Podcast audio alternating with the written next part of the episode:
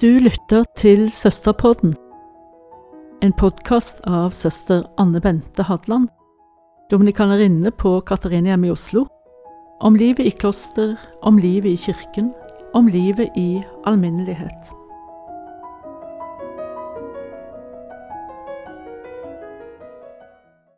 Artikkelen jeg skrev om dødsforakt for St. Olav kirkeblad i vår, ble plutselig aktuell igjen da verdibørsen grep fatt i den, og dagen fulgte opp.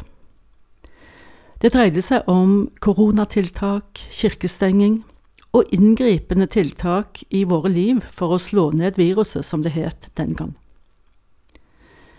Vi lever i et samfunn mettet på velferd og trygghet, skrev jeg, og jeg spurte hvor mye vi er villige til å gi avkall på for at noen, i dette tilfellet offentlige myndigheter, skulle trygge tilværelsen vår enda mer.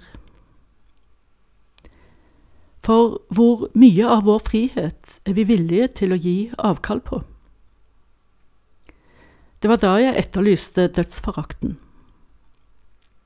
Og for å gjøre det klart, jeg brukte og bruker begrepet retorisk, det vil si som en motsetning til dødsangst, som jeg ante lå til grunn for denne store beredvilligheten til å gi slipp på alt for smittefrihetens skyld. Ikke at vi skal gi smittevernet på båten, på ingen måte, men spørsmålet er hvor langt vi skal gå for å beskytte oss mot denne usynlige lille fienden, og om alle tiltak virkelig er nødvendige. I vår opprørte det meg at kirkene ble stengt ned uten diskusjon, og det i påsken til og med. Og nå, når julehøytiden står for døren, så kan kirkene få lov å åpne dørene for 20 personer om gangen, uavhengig av kirkerommets størrelse. 20 personer er akkurat passe i vårt klosterkapell, og da overholder vi énmetersregelen. Men i Oslo domkirke, eksempel, som har plass til 800 mennesker, så blir det antagelig litt stusslig, vil jeg tro. Men sånn er det altså.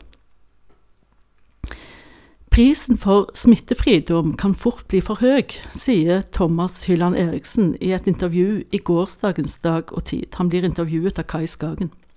Og han sier videre vi må akseptere at vi ikke har full kontroll, og at kuren kan syne seg å bli verre enn sykdommen.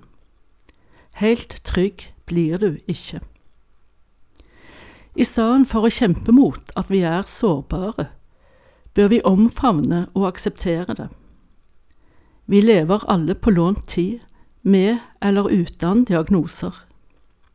Vi har ikke, kan ikke få og bør ikke streve etter full kontroll over livet og samfunnet. Og det mener jeg Thomas Hilland Eriksen har helt rett i. Vi får aldri full kontroll over livene våre. Vi får aldri et samfunn fritt for lidelse, sykdom, død. Ingenting av dette forsvinner. Men vi har en som kan hjelpe oss gjennom det. Det er Jesus. Han hvis komme til jorden vi snart skal feire, og hvis gjenkomst vi nå forberede.